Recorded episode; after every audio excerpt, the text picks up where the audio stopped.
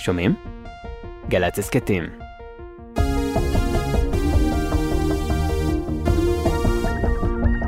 בה התארחה המשפטנית דוקטור יופי תירוש, ואשר שודרה לראשונה בנובמבר אשתקד. האזנה נעימה. שבת שלום, אני יופי תירוש, אנחנו בשש בשישי בגלי צה"ל, ובשעה הקרובה אחלוק איתכם ואיתכן שש הערות, חמש על השבוע החולף ואחת לקראת השבוע הבא.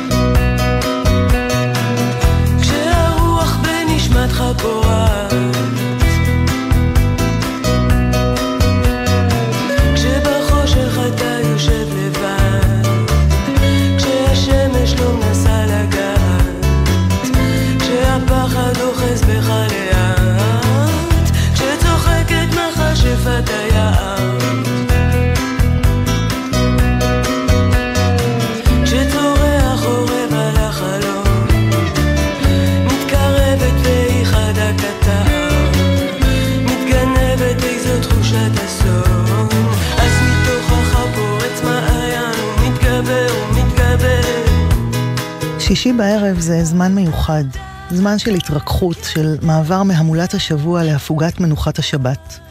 כמו עבור ישראלים וישראליות רבים, אופיו של הזמן הזה כל כך טבוע בי, עד שבתקופות שחייתי בחו"ל, והיו לי כמה תקופות כאלה כתלמידת דוקטורט ובהמשך כחוקרת ומרצה, היה נדמה לי גם שם שהשבוע נרגע מסביבי.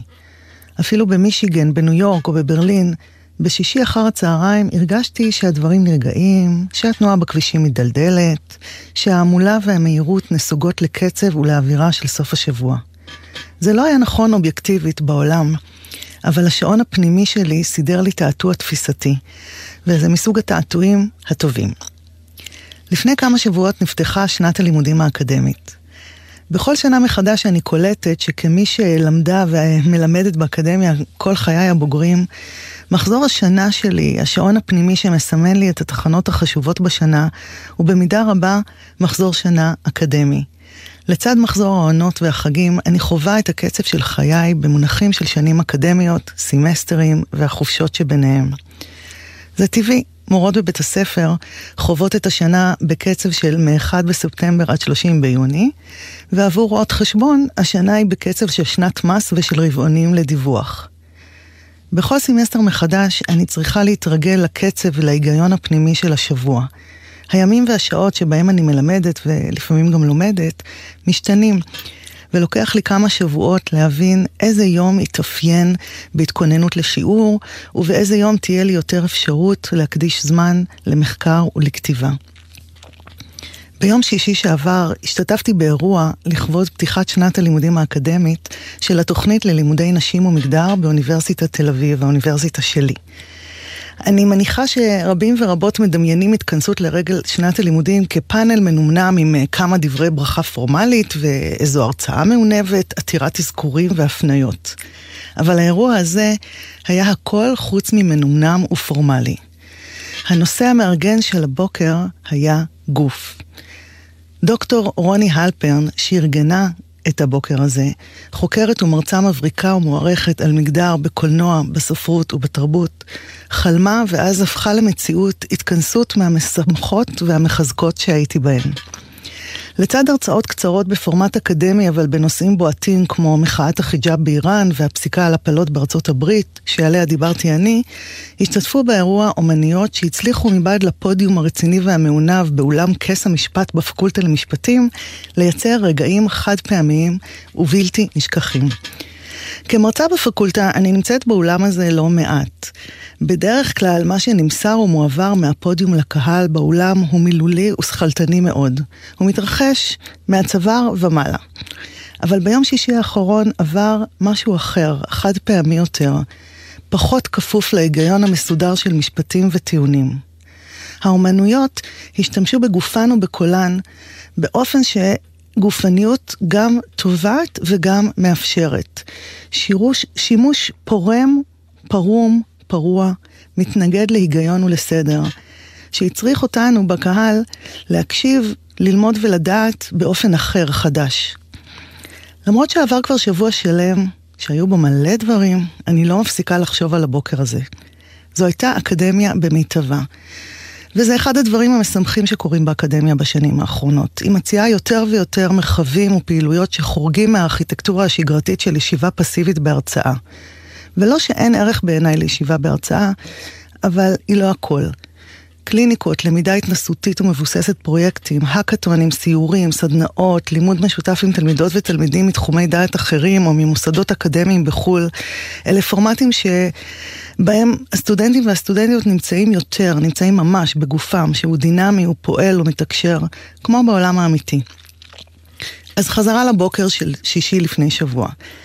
השחקנית והיוצרת החד פעמית מאיה לנצמן פתחה את העניין הזה של משקל גופן של נשים ושלה. היא עשתה את זה בהומור, ביופי, בלי ליפול למקום שמצופה ממנה, מקום של אולי אה, להניף איתן את דגל אהבת הגוף וקבלתו בלי כל ספקות והרהורים. היא דיברה בכנות ומהלב. והצחוק שלה, איך שהיא צוחקת, בלי לצמצם את עצמה, זה דבר אדיר עם עוצמות מדבקות. גם בחברה הישראלית הכל כך מקוטבת בשנים האחרונות, יש עדיין דברים שיש עליהם תמימות דעים יחסית. למשל, שמידות הגוף של כל אישה, ובוודאי של סלבריטאיות, הן עניין ציבורי שלכולם יש בו דעה ומניה שהם יכולים או צריכים להשמיע. והדעה הנכונה, מלאת האמונה בצדקת הדרך והחשיבות העצמית, היא אה, דעה שנאמרת ברוב טקס, במקרה הטוב בכסות של דאגה לבריאותך, במקרה הרע כהתכה משפילה, והיא שאת צריכה להיות יותר רזה. תשאלו את לינוי אשרם, שסיפרה השבוע בריאיון ללאישה, שמאז שפרשה מהתחרויות האולימפיות, אנשים אומרים לה, מה קרה לך? למה את כזאת שמנה? למה את לא שומרת על עצמך? מילא שכותבים את זה, אבל יש כאלה שבאים ואומרים לי את זה בפרצוף. בואו נשמע כמה דקות ממאיה לנצמן מיום שישי. אני מאוד אוהבת איך שאני נראית ומאוד שונאת את איך שאני נראית, אמ, ובאמת כמו כולן וכולם פה. אמ, פשוט באמת להיות שמנה, קודם כל זו מילה שאני נורא נורא נעלבת ממנה עדיין. פשוט אה, זה שזה מילת גנאי ולא מצליחים בעצם אה, לקחת מילים שהם תיאורים כאלה ואחרים, ולהפוך אותם, להחזיר אותם לאיזה משהו נורמטיבי כזה ואחר, ולהוציא ממנה את מילת הגנאי. זאת אומרת, רק שלשום נסעתי באוטו שלי, מזדה שלוש, אמ, נסעתי ברחוב מאזה, והיה שם איזה רץ. עשה סקוש, מישהו שעושה כושר. הוא רץ, אוקיי? שכבר ככה זה מנקר עיניים. הוא רץ, ו... והוא הוא, הוא התפרץ לכביש, כן? זה לא שהיה לי עצור עכשיו, הייתי צריכה לעצור, הוא התפרץ לכביש, אז סבבה, אז, אז לא היה לי עכשיו את הראייה הסלקטיבית הביונית שאמורה להיות לי, אבל, אבל הוא התפרץ. והסתכלתי עליו בקטע של אימא'לה, כמעט דרסתי אותך, אבל אתה גם מפגר. ואז הוא פשוט הסתכל עליי, לא אמרתי כלום, ואז הוא כזה, שמנה, והמשיך לרוץ. וזה היה פשוט אחד המעליבים, כאילו, אני, אני המשכתי ו... באמת, זה... דורסים אותו, בדיוק, בדיוק. בדיוק, אני פשוט לא רוצה עוד פרשה עכשיו, אני לא רוצה עוד פרשה.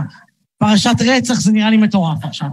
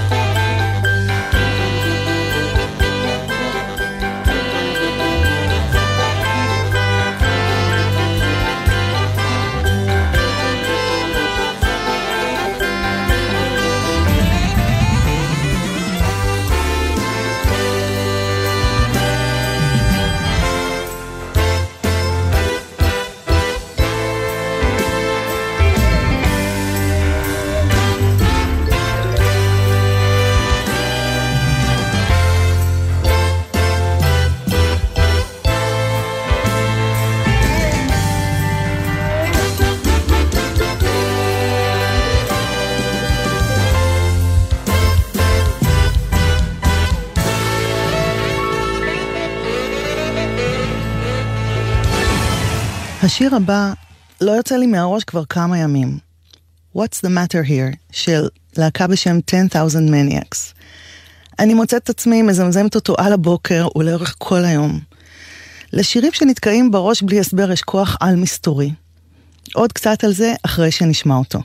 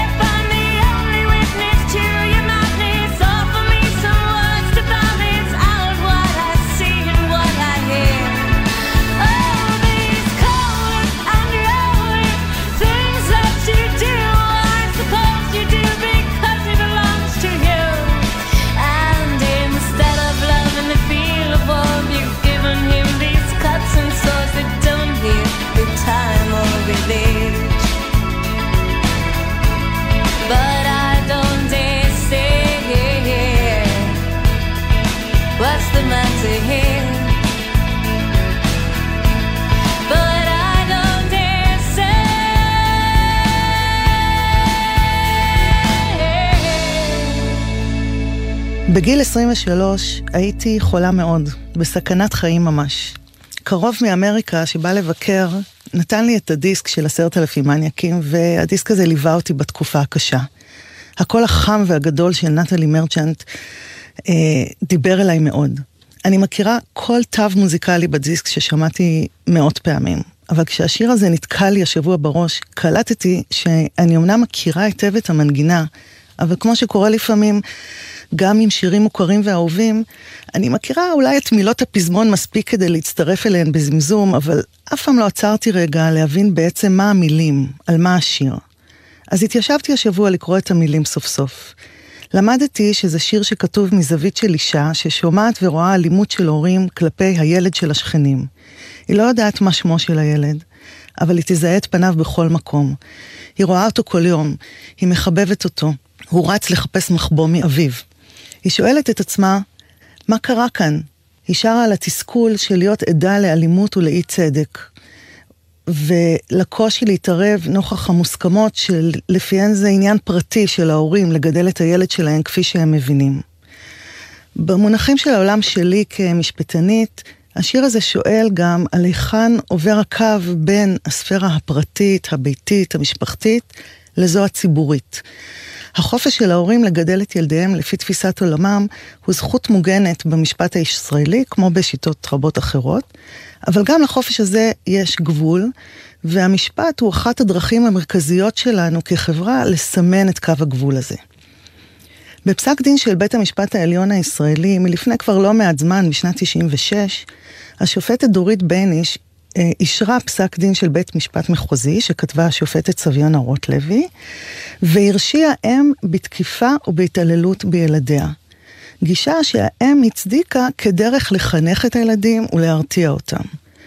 בייניש דחתה את הגישה הזאת ואמרה שאין להורים הגנה מפני אחריות פלילית, אה, ושכבוד האדם של הילד וזכותו לשלימות גופנית ולבריאות נפשית גוברים על האינטרס ההורי. אני מצטטת, הילד אינו רכוש הורהו. אסור כי ישמש שק אגרוף בו יכול ההורה לחוות כרצונו. כך גם כאשר ההורה מאמין בתום לב שמפעילו את חובתו וזכותו לחינוך ילדו. הילד תלוי בהורהו, זקוק לאהבתו, להגנתו ולמגעו הרך. הפעלת ענישה הגורמת לכאב ולהשפלה אינה תורמת לאישיותו של הילד ולחינוכו, אלא פוגעת בזכויותיו כאדם. מסתבר ממחקרים שבדקו את עמדות הציבור בישראל לפני פסק הדין ואחריו, שפסק הדין שינה את התפיסות הרווחות והפחית דרמטית את התפיסה בישראל שזה לגיטימי להכות ילדים. חשבתי על פסק הדין הזה וגם על פסקי דין משמעותיים אחרים שתיקנו עיוותים ואי צדק ועזרו לחברה הישראלית להגשים את עצמה כחברה הוגנת יותר, כשהצטרפתי השבוע לגילוי דעת של משפטנים ומשפטניות נגד פסקת ההתגברות. יש הרבה ביקורת כלפי בג"ץ וכלפי בית המשפט העליון. לעיתים קרובות מדובר בביקורת מוצדקת. ועדיין, קשה לדמיין את החברה הישראלית בלי בית משפט עליון כשחקן משמעותי במאזן היחסים שבין שלוש הרשויות. בג"ץ דחה למשל את הטענות של בית ספר בעמנואל שהפריד בין ילדות אשכנזיות ומזרחיות כאילו לא מדובר באפליה, אלא בחלוקה עניינית שמבוססת על סגנון תפילה ושמירת מצוות, והגן על כבוד האדם של הילדות המזרחיות ועל שוויונן.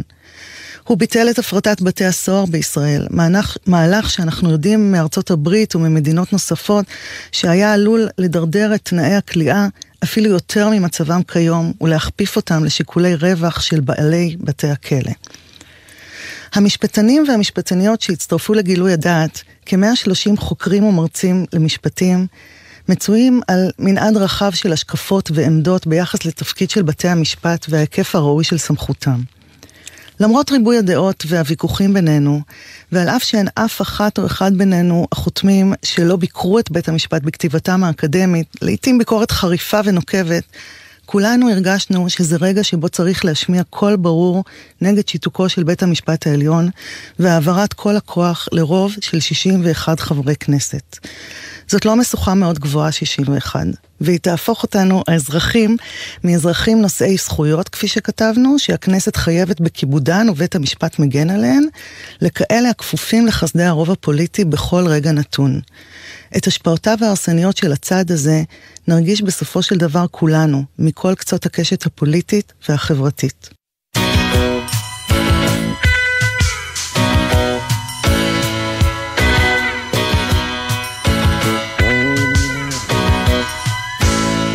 מדי פעם אור קולח מתגלה לי בנסתר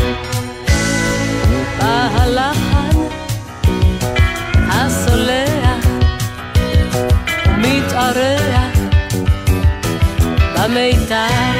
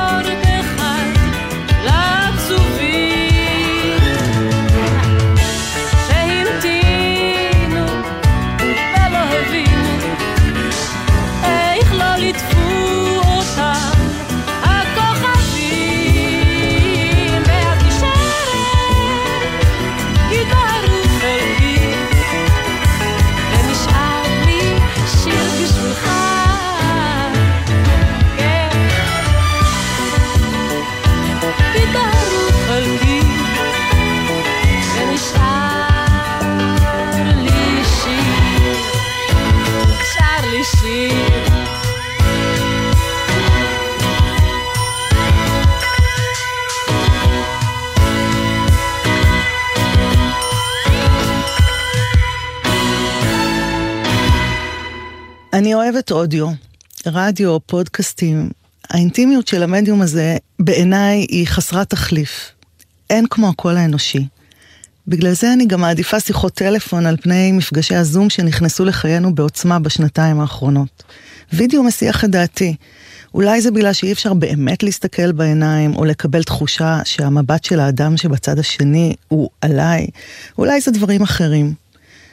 אודיו, האזנה לפודקאסט, או אפילו שיחת טלפון, מאפשרת לי להתרכז כי אני יכולה לעשות משהו תוך כדי. אולי זו הפרעת קשב שאף פעם לא הלכתי לאבחן, אבל אני יכולה להתרכז תוך כדי נהיגה, הליכה, בישול או אישור איזה פינה בבית. זה מגדיל את הפוקוס שלי. מדהים מה אפשר לעשות עם קול. תקשיבו לקטע הזה של סמירה סראיה, שחקנית ופרפורמרית ספוקן וורד, שהקריאה אותו באירוע שהזכרתי, אירוע פתיחת השנה של התוכנית ללימודי מגדר באוניברסיטת תל אביב בשישי שעבר. שלום. שלום. היי, שלום. שלום רב שובך ציפור הנחמדת מארצות החום אל חלוני. אל קולך כערב מנפשי חלתה, בחורף בעוזבך מעוני. ספרי.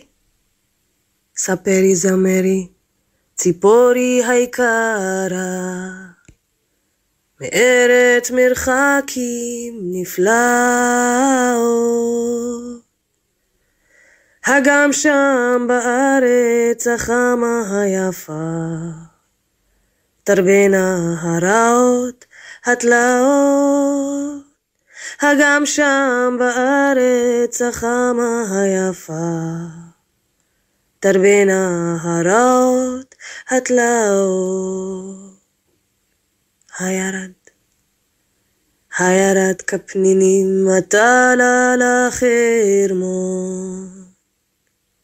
אם ירד כיפול כדמעות.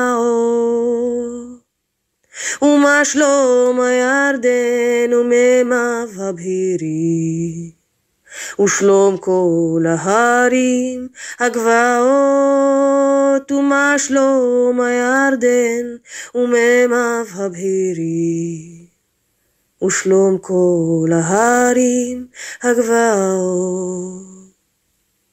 ואחי. ואחי העובדים הזורעים בדמעה,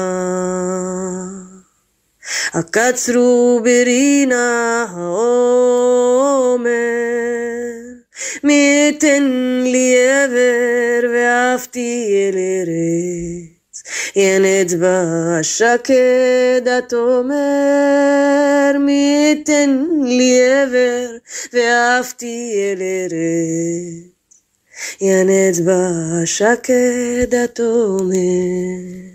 וזה מה שאמרה סמירה סראיה, אחרי הביצוע הנפלא.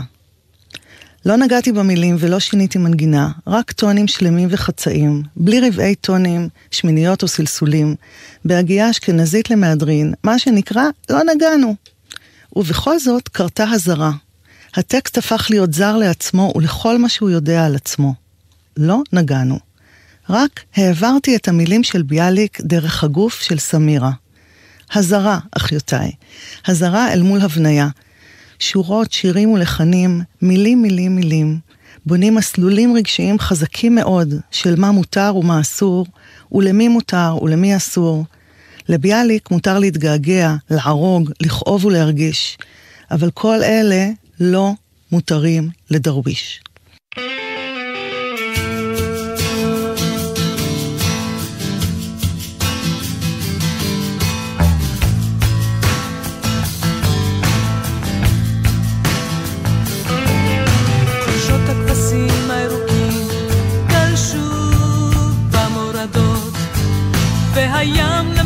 שכשך והכחיל מן השמש. בשמיים פרחו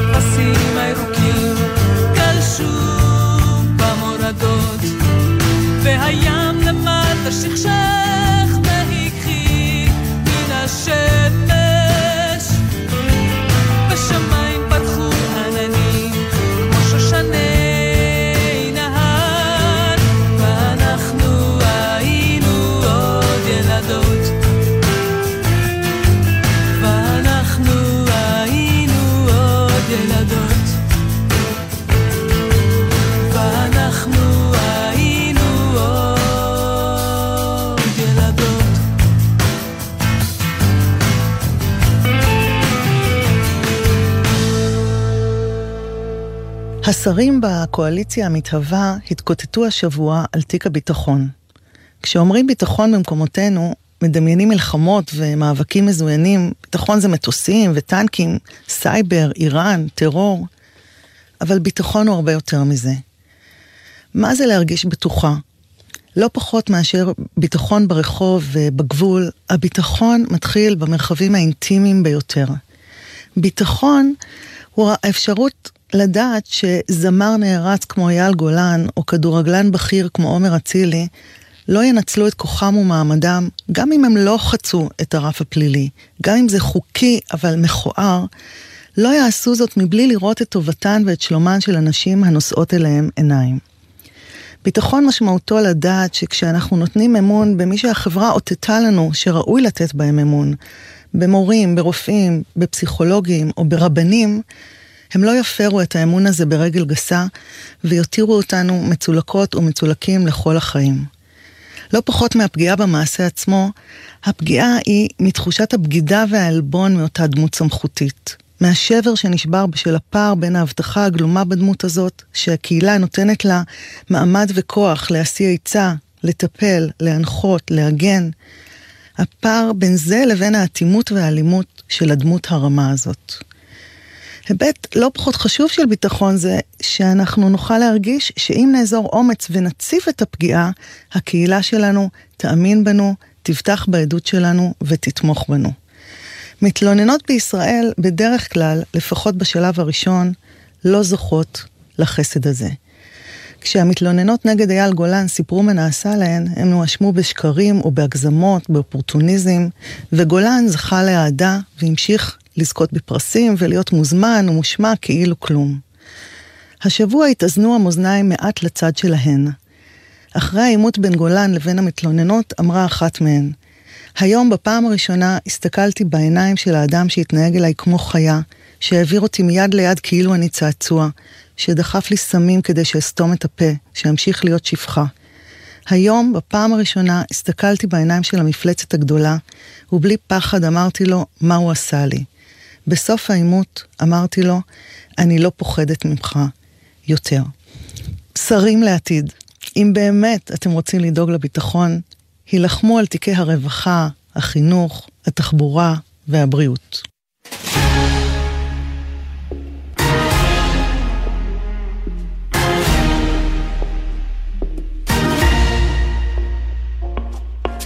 חסר לי הזקן שלך שריטות קטנות על השפתיים אפילו השיחות לתורך הלילה לא חסר לי הטירוף שלך מרים אותי על הכתפיים מרים אותי למעלה. לא חסר לי שום דבר ממך אפילו חיבוק שהיית שפוך רק. איך נצמדנו חזק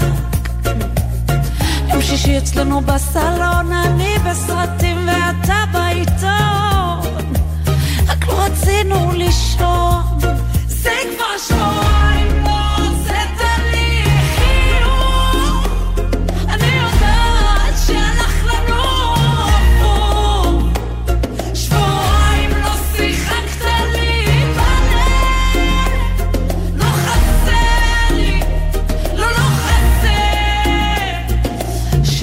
עכשיו רק אני ועצמי, מה נשאר לי ממך מה?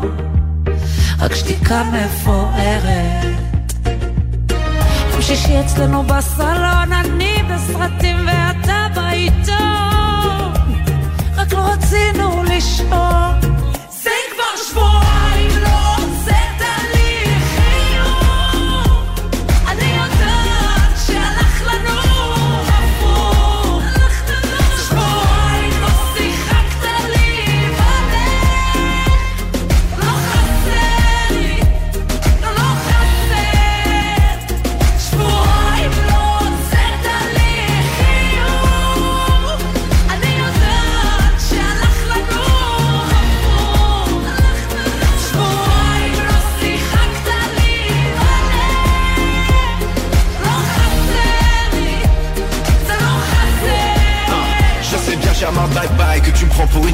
tu fais courir la chmourotte Que je fais que des ch'touillottes Que je suis un agitateur, un briseur de cœur خليني نرتاح والغزالة ne serait-ce pas nos différences qui briseraient nos alliances T'as qui dit main dans la main, ne sommes-nous pas des êtres humains فهمي راسك هني روحك يلا شخري شخري على السلامة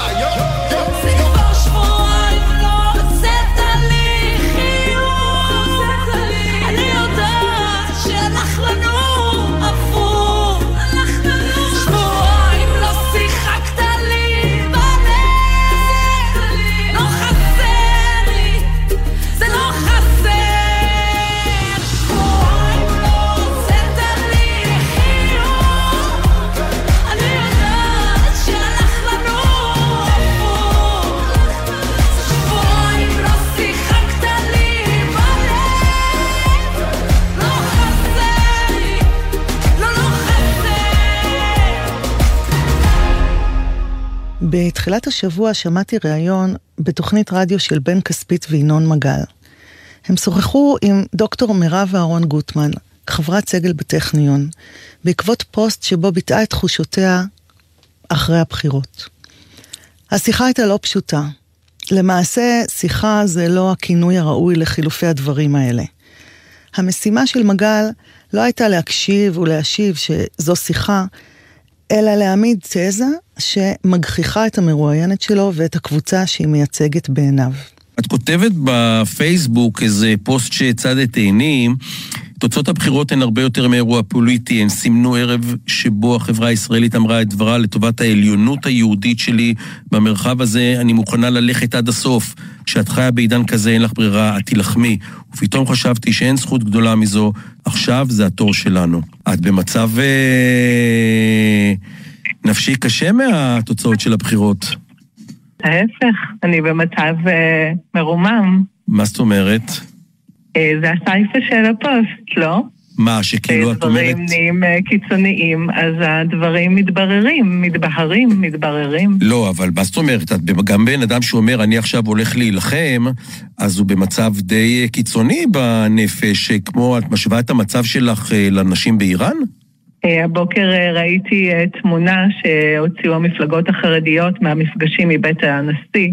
אה, התמונה מבית הנשיא מראה את שני צידי השולחן שמצד של בית הנשיא יושבות נשים שהן מכהנות בתפקידים בבית הנשיא.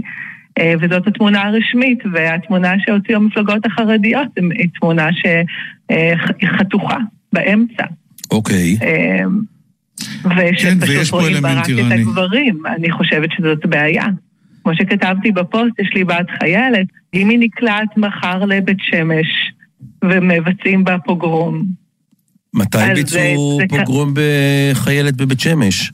לפני שלושה שבועות, חילצו אותה. כוח משטרה חילץ אותה. אתה לא יודע על זה? לא שמעתי, לא. זה לא הגיע לנו ניוז. כי יש פה מאוד אופנתי לדבר על חוק וסדר, אז אה, אני חושבת שגם על החוק וסדר הזה צריך לדבר. אתה שואל את השאלות האלה לא כדי לשוחח בתחושה שלי, אלא כדי ל- לרדד את השיחה. אבל אני חושבת שצריך לדבר על מה קרה פה. מה קרה פה? זה מה שאני שואל, היה- מה קרה אני אגיד פה? מה קרה כן. פה.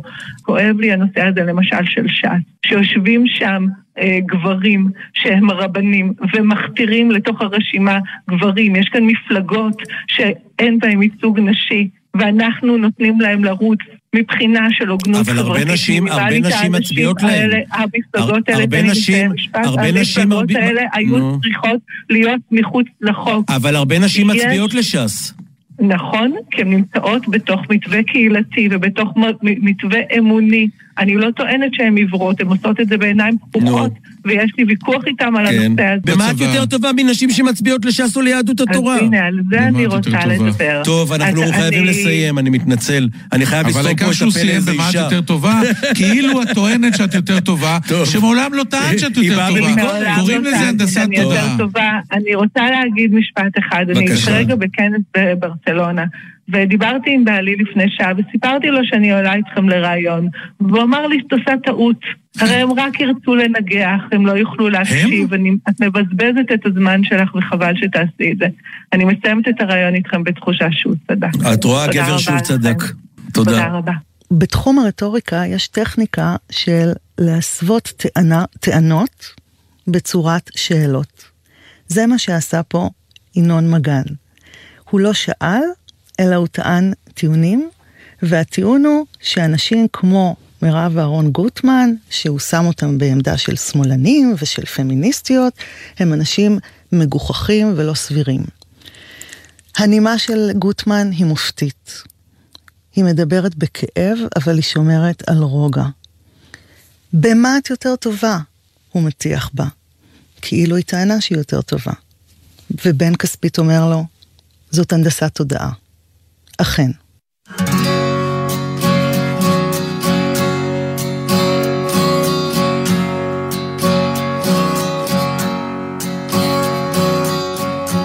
Rows and flows of angel hair and ice cream castles in the air and feather canyons everywhere.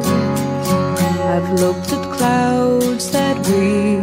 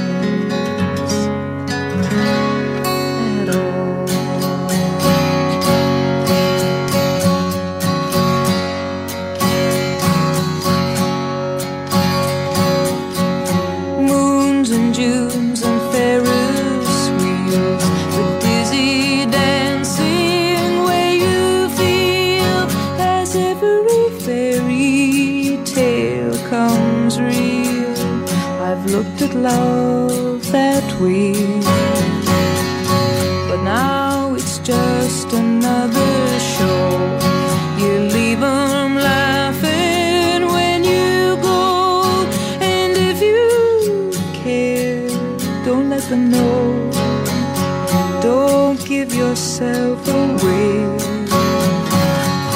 I've looked at love from both sides now, from give and take, and still somehow it's love's illusions.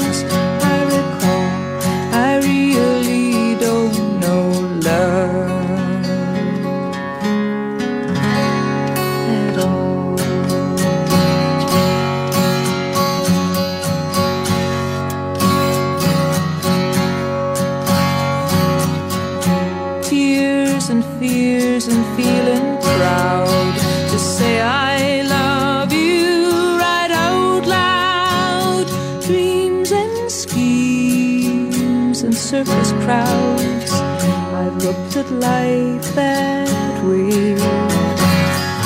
But now old friends are acting strange.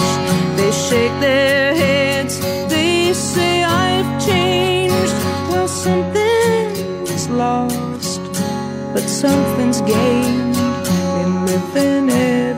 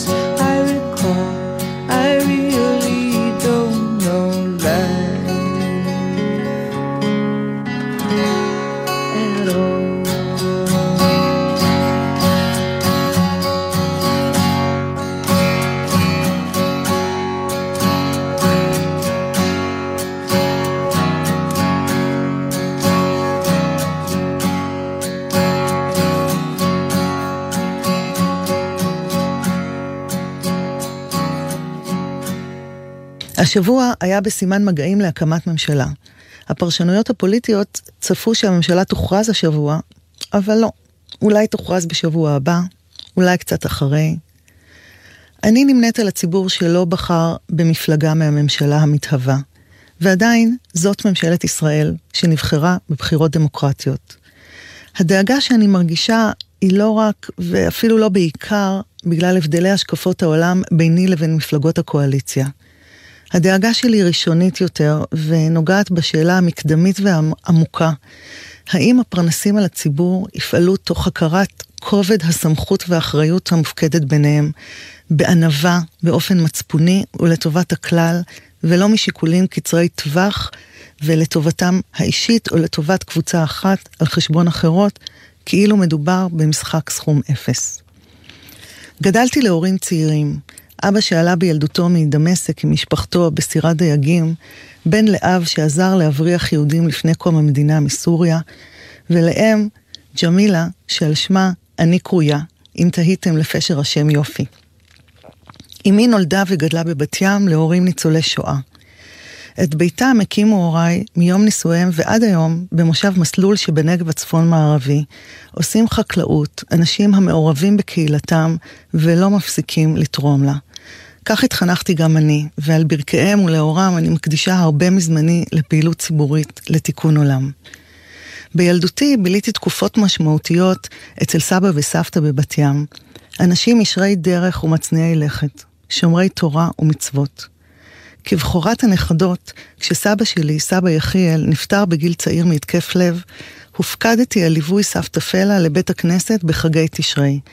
בית כנסת תחכמוני בבת ים היה עבורי מקום נעים ומסקרן, שונה מאוד מבית הכנסת הספרדי במושב ובכלל מהיומיום שלי. היו לי יחסים מעורבים כלפי המקום שלנו בבית הכנסת בעזרת אנשים. אהבתי את השקט הרגשי שמאפיין את המרחב הזה. למשל, החופש ממבטים שבוחנים אותי כאישה צעירה. אבל לא אהבתי שאנחנו רחוקות, שאין לנו מקום להשתתף בתפילה באופן משמעותי.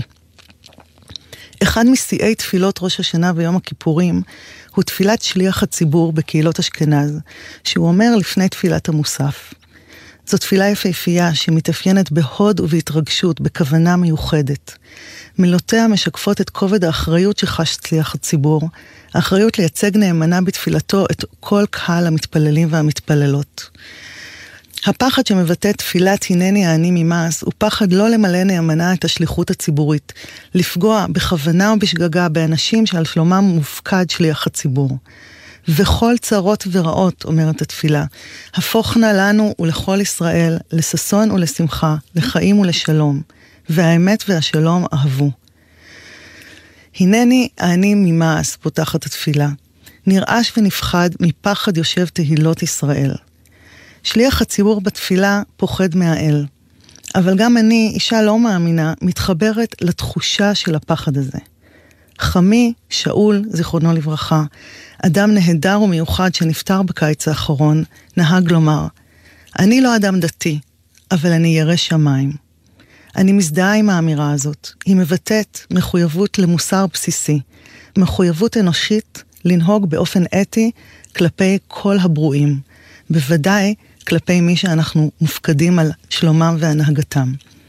אני מאחלת לממשלת ישראל, בכל הרכב שתוקם, שתלווה אותה בכל צעדיה תחושת יראת השמיים, האחריות והצניעות של שליח הציבור בתפילת הנני האני ממעש.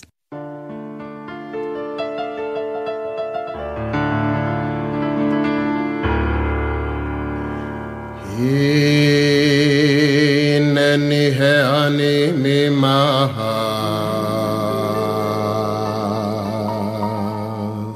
עד כאן שש בשישי. העורך הוא עומר נותקביץ', על הביצוע הטכני ניב ירוקר ודניאל שבתאי, ובאולפן תמנה צרי. אני יופי תירוש. שבת שלום. האזנתם לשידור נוסף של התוכנית שש בשישי, בה התארחה המשפטנית דוקטור יופי תירוש, ואשר שודרה לראשונה בנובמבר אשתקד. מאיתנו בגלי צה"ל, שבת שלום והמשך האזנה נעימה.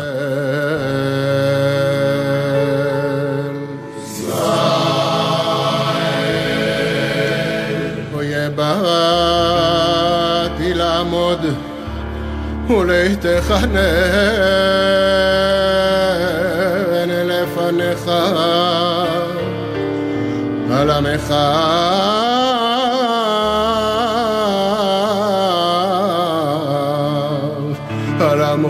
ישראל אשר שלחוני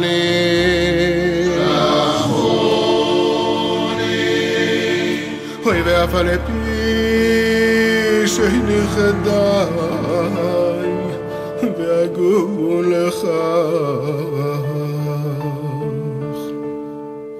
לכן אבקש ממך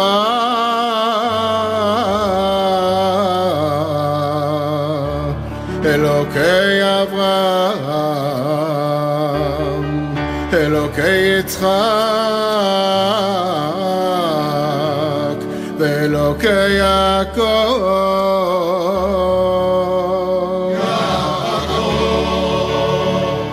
השם,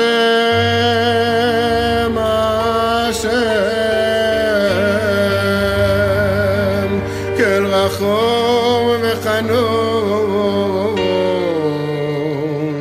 אלוקי ישראל. שדי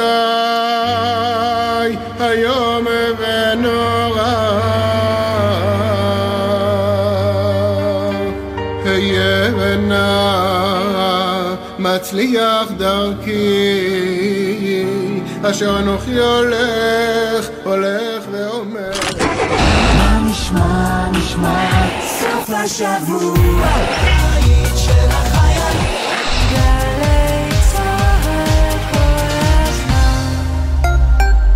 אחותי, על מה את מסתכלת?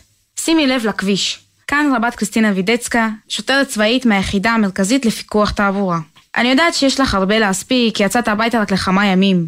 אבל בחייך, כשאת על הכביש, שימי את הטלפון בצד והתרכזי בנהיגה. אין הודעה חשובה מספיק ששווה את החיים שלך. את הווייז אפילו לפני הנסיעה, ואל תתני לשום דבר להסיט את העיניים שלך מהכביש. כי בשנייה אחת אפשר לאבד שליטה על הרכב ולהיפגע.